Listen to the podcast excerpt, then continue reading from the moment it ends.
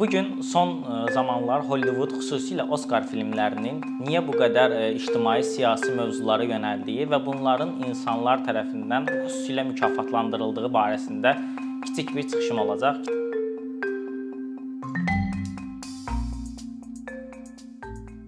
2015-ci ildə Oskarda Oskarın Oskar mükafatının verilməsində çox vacib bir e, dəyişiklik oldu. Bu dəyişiklik isə bir aktivist qadının bir tviti ilə başladı. O qadın Oscar so white, Oskarlar çox ağdır e, adlı bir hashtag yaratdı və burada Oskarlar, Oskar mükafatlarının əsasən ağdərili insanlara, xüsusilə də ağdərili kişilərə verildiyini iddia edirdi. Burada əsas e, məqam o idi ki, həmin iddiada əsas məqam o idi ki, məsələn, ən yaxşı film nominasiyasında Oskarlar daim e, ağdərili kişilər namizəd göstərilir və həmçinin də ən yaxşı rejissor nominasiyasında, digər tərəfdə isə ən yaxşı kişi aktyor və ən yaxşı e, qadın aktrisada isə əsasən ağdərili kişilər və qadınlar önə çıxırdı və təbii ki, bu Oscar So White xeyli insanlar tərəfindən maraq cəlb etməyi bacardı və insanların marağını çəkdikdən sonra e, Oskar Oskarda belə bir dəyişiklik oldu. Akademiya öz daxilinə yeni bir 800 e, nəfərlik, təxminən 800 nəfərlik insan cəlb etdi. Bu 800 nəfərlik insanın cəlb edilməsi nəticəsində biz artıq gördük ki, bu cəlb edilən insanların 39%-i E, qadındır və onlardan 30%, yəni bu 800 nəfərdən 30% isə ağdərli olmayan insanlardır. Yəni akademiyanın qəbul etdiyi qərardan sonra e, Oscar Sovayt bir nəticəsini verdi və təbii ki, bu zaman içində də öz e, nəticələrdə də qalib gələn filmlərdə də özünü göstərməyi bacardı. Belə ki, ilk öncə Moonlight, Ay işığı filmi e, qalib seçildi ki, bu filmdə qaradərili insanların həyatından bəhs edirdi və qaradərili bir şəxsin həyatına fokuslanmışdı. Daha sonra Shape of Water, suyun səsi, suyun forması filmi qalib oldu ki, bu filmdə də əsasən özümüzdən olmayanı sevmək, özümüzlə e, e, özümüzlə eyni olmayanı sevmək mövzusu qabardılmışdı və bir qadınla bir e, amfibiya adamın arasında olan belə fantastik bir münasibətdən bəhs edirdi. Son olaraq isə Green Book, Yaşıl kitabça filmi qalib oldu ki, bu filmdə də əsas mövzu e, bir e, yaradıcı şəxsin, bir pianoçunun müxtəlif Amerikanın müxtəlif bölgələrinə səyahət edərək orada yaşadığı müxtəlif diskriminasiyaları göstərmək idi. E, bəs necə oldu? Bunun tarixi kökü nədir ki, yəni tarixi teoriyası nədir ki, bu e, bu cür belə bir məsələ ortaya çıxdı və niyə bura doğru biz gəldik? Mən bunu da Frederick Jamesonun teoriyası ilə bağlayıram. Frederick Jamesonun teoriyası bundan ibarətdir ki, o bir ədəbi nəzəriyyəçidir və o düşünür ki, 3-cü dünya dövlətlərində ortaya çıxan e, ədəbi əsərlər və həmçinin bunu kinoya da tətbiq olunduğunu görürük. Ədəbi əsərlər və filmlər heç vaxt ictimai, siyasi mövzulardan kənara çıxa bilmir. Yəni milli allegoriya təşkil eləyir. Bu milli allegoriya ifadəsi məşhur bir ifadədir.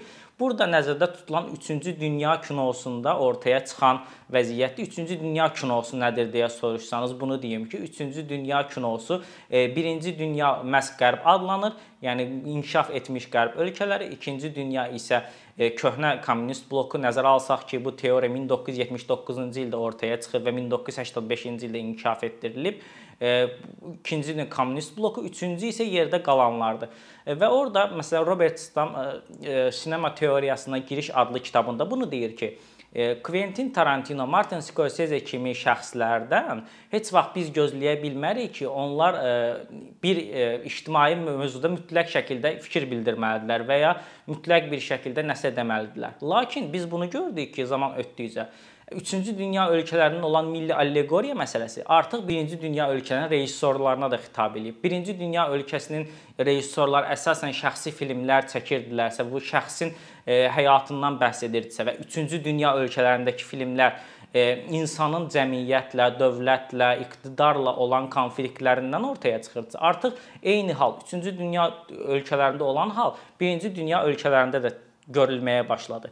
Və məcbur bunun da məncə dünya, yəni həyat yaşadığımız dövrdəki proyeksiyası bu oldu ki, Oscar So White məcbur etdi ki, Martin Scorsese-ni, Quentin Tarantino-nu və digər məşhur rejissorları istər-istəməz bu e, necə deyim atılan iddialara, atılan fikirlərə cavab verməyə məcbur olurlar. Təbii ki, bu insanlar yaradıcı şəxslər olduqları üçün onların dediklərindən daha çox çəkdikləri önə çıxır. Və biz məsələn mənim e, Martin Scorsese, Quentin Tarantino barəsində danışmağım e, necə deyim, e, təsadüfi deyil. Çünki onların filmləri bu ilin Oscar Oscarında ən önə çıxan filmlərdən ikisidir və ən yaxşı filmə də namizəd göstəriliblər. Elə ən yaxşı filmə namizəd göstərilmiş demək ki, mən istəyirəm keçim ən yaxşı e, film nominasiyasında olan e, filmlərə və orada o filmlərdə olan ictimai siyasi mövzulara. Bu filmlər arasında 9 film var və bu filmlər arasında Yalnızca 2 film var ki, onların ictimai, siyasi e, bir konteksti yoxdur və demək olar ki, bu cür nə bir oxuma etmək, onu bu cür nə analiz etmək mümkünsüzdür. Bunlardan biri Ford və e, Ford və Ferrari filmidir ki, bu Ford və Ferrari arasında olan münasibətlərdən bəhs edir və onların arasında olan rəqabəti göstərir. Digəri isə 1917 adlı tarixi dramadır. Orada da sadəcə 1-ci Dünya müharibəsinin ümumi atmosferi göstərilir və bir şəxsin bir günlük səyahətindən bəhs edir. Yerdə qalan digər filmlərə isə indi keçirik və bu ə, e, filmlərin ə, e, hansı xüsusiyyətlərinin ortaya çıxdığını danışmaq istəyirəm.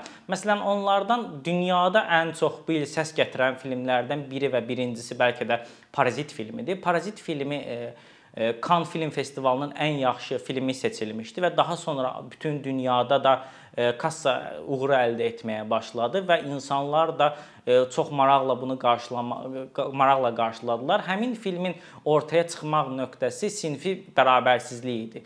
Orda Koreya cəmiyyətində olan insanların arasında olan münasibət və sinfi bərabərsizlik qabardılırdı və burada parazit olmaq əslində rejissor bir yandan insanlar düşünməyin ki, bir e, sosialist yanaşır, kommunist yanaşır və yalnızca varlıları və ya yalnızca kasıbları xoyur. Əslində rejissor tam ortada dayanır və hər iki tərəfə də məsafəli davranır və onların münasibətini göstərir və ümumiyyətlə artıq neoliberal siyasətin ortaya çıxartdığı e, bu iki ucu bir tərəfin çox həddindən artıq varlı olması və digər tərəfin həddindən artıq kasıb olması və orta sinfin demək olar ki, yox olması problemi üzərindən irəliləyir.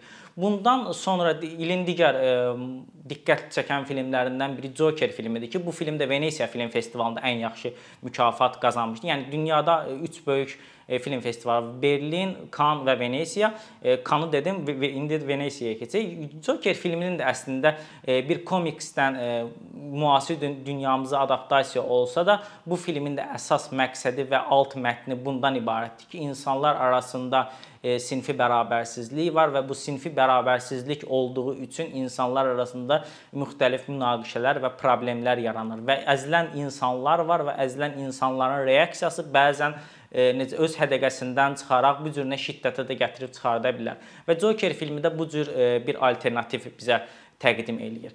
Digər e, bir film isə Little Woman, Kiçik Qadınlar filmidir ki, bu film bu göstər namizəd göstərilən filmlər arasında yeganə filmdir ki, onun rejissoru qadındır. Greta Gerwig'in filmidir və bu qadın rejissorun e, dünyaya baxışı çox maraqlıdır. Bu kiçik qadınlar əslində necə böyük olduqları və dünyanı necə qavradıqlarını biz görürük və bu kiçik qadınların yaşadıqları müxtəlif problemlər ortaya çıxır. Bu kiçik qadınlar əslində e, bacı olan e, bir neçə bacının başına gələn hadisələrdir və Burada biz qadınların mübarizə apardığını, uğur qazanmaq üçün hansı çətinliklər çəkdiyini, məsələn, bir yazıcı qadının məcbur olub e, özü özüm yazıram demir, bir oğlan dostum var, o yazır dediyini görürük ki, bu çox necə deyim, simvolik bir məsələyə çevrilir və ən nəhayətində həmin qadının öz E, kitabına sahib çıxması, onun hüququnun olduğunu göstərməsi və onu hansısa bir kişiyə satmaması da təbii ki, rejissorun e, insanlara verdiyi bir mesajdır və burada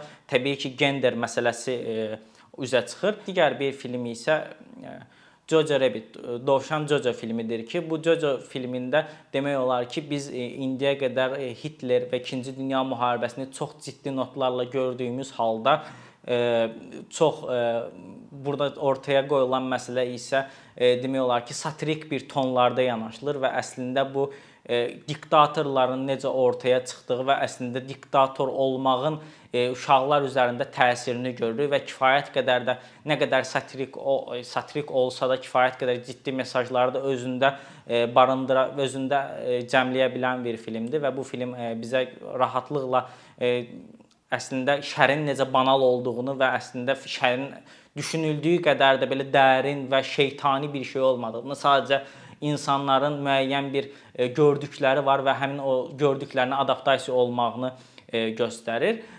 Digər bir Oskara namizəd göstərilən film Evlilik hekayəsi, Marriage Story filmidir ki, bu film kişi ilə qadın arasında olan münasibətləri vurğulayır və kişi ilə qadının daim arasında olan münasibətlər, kişinin vecsiz olmağı, qadının fədakar olmağı, qadının ictimaiyyətdə olan rolu, qadın daim fədakar olmalıdır, özündən özünü kişi üçün qurban verməlidir və bu kimi məsələlər qabardırır. Lakin burada rejissor hansısa bir tərəf tutmur. Rejissor sadəcə izləyicilərə belə bir şans verir ki, sən öz tərəfini seç. Sən kişininmi tərəfindəsən, yoxsa qadınınmı tərəfindəsən və izləyici izlədiyi zaman istər-istəməz müəyyən mənada fikirləri formalaşır və nəhayətində təbii ki, xoş bir sonla bitir film, amma elə bəzən elə olur ki, yəni bu həmişə xoş sonla bitəcək demək deyil və biz bu problemləri, bu qadınların və kişilərin münasibətdə olan problemlərini və onların cəmiyyətdə olan mövqelərini düşünməliyik ki, bu cür problemlər yaranmasın. Çünki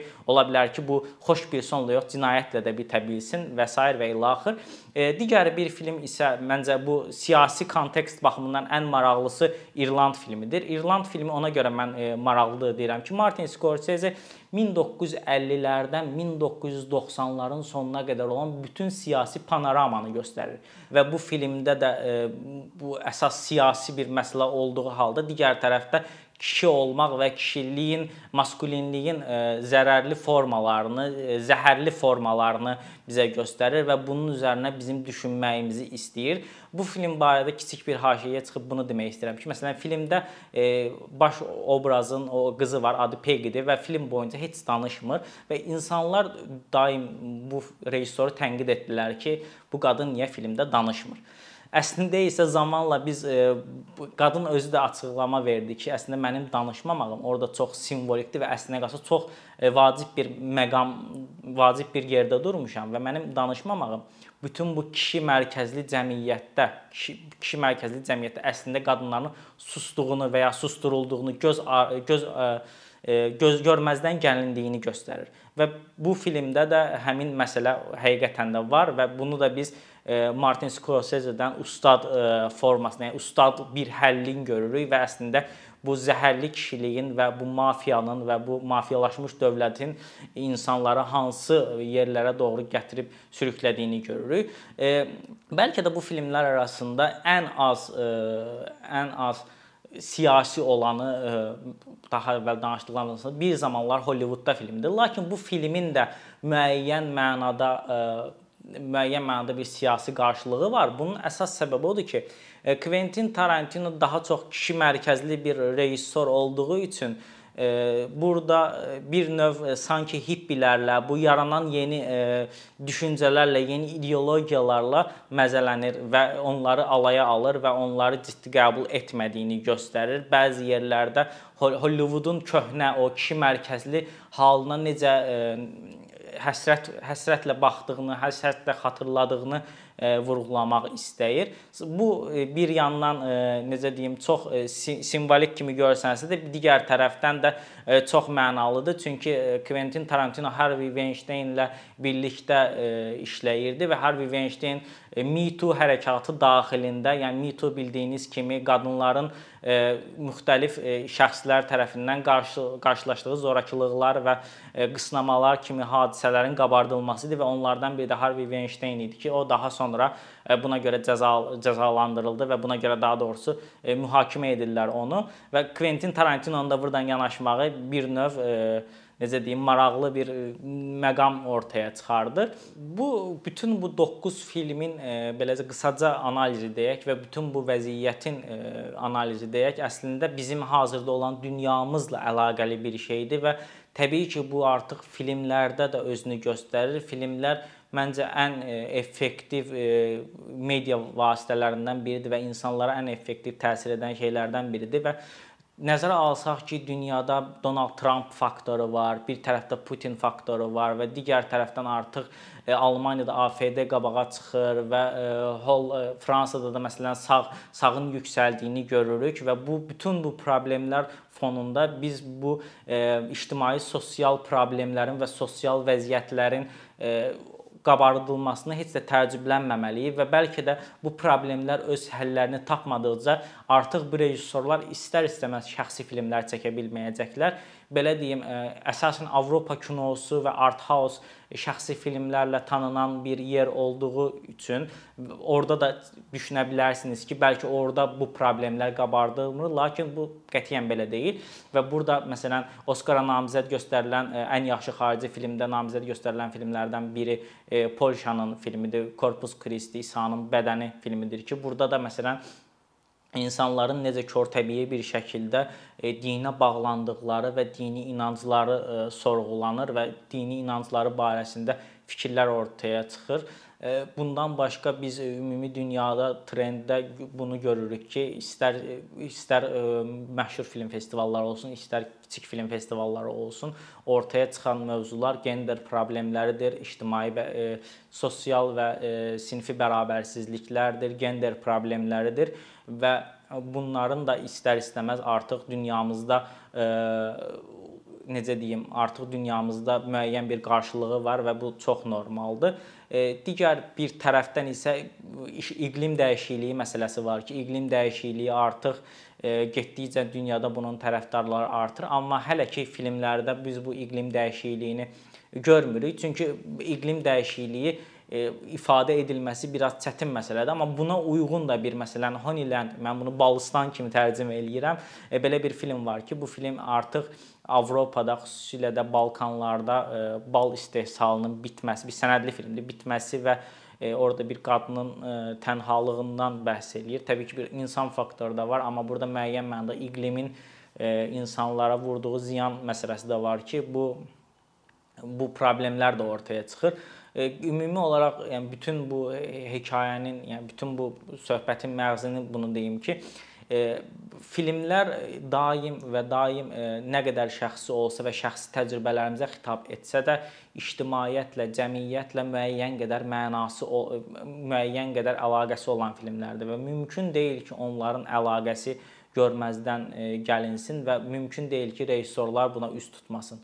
Və buna görə də hələ bayaqda vurğuladım ki, bu problemlər öz həllini tapmadıqca və getdikcə art, artmağa doğru getdikcə də biz hələ yəqin ki, Oscar So White-ın davamı var. Oscarlarda da görəcəyik və böyük film festivallarında da görəcəyik. Mənim deyəcəklərim bu qədər.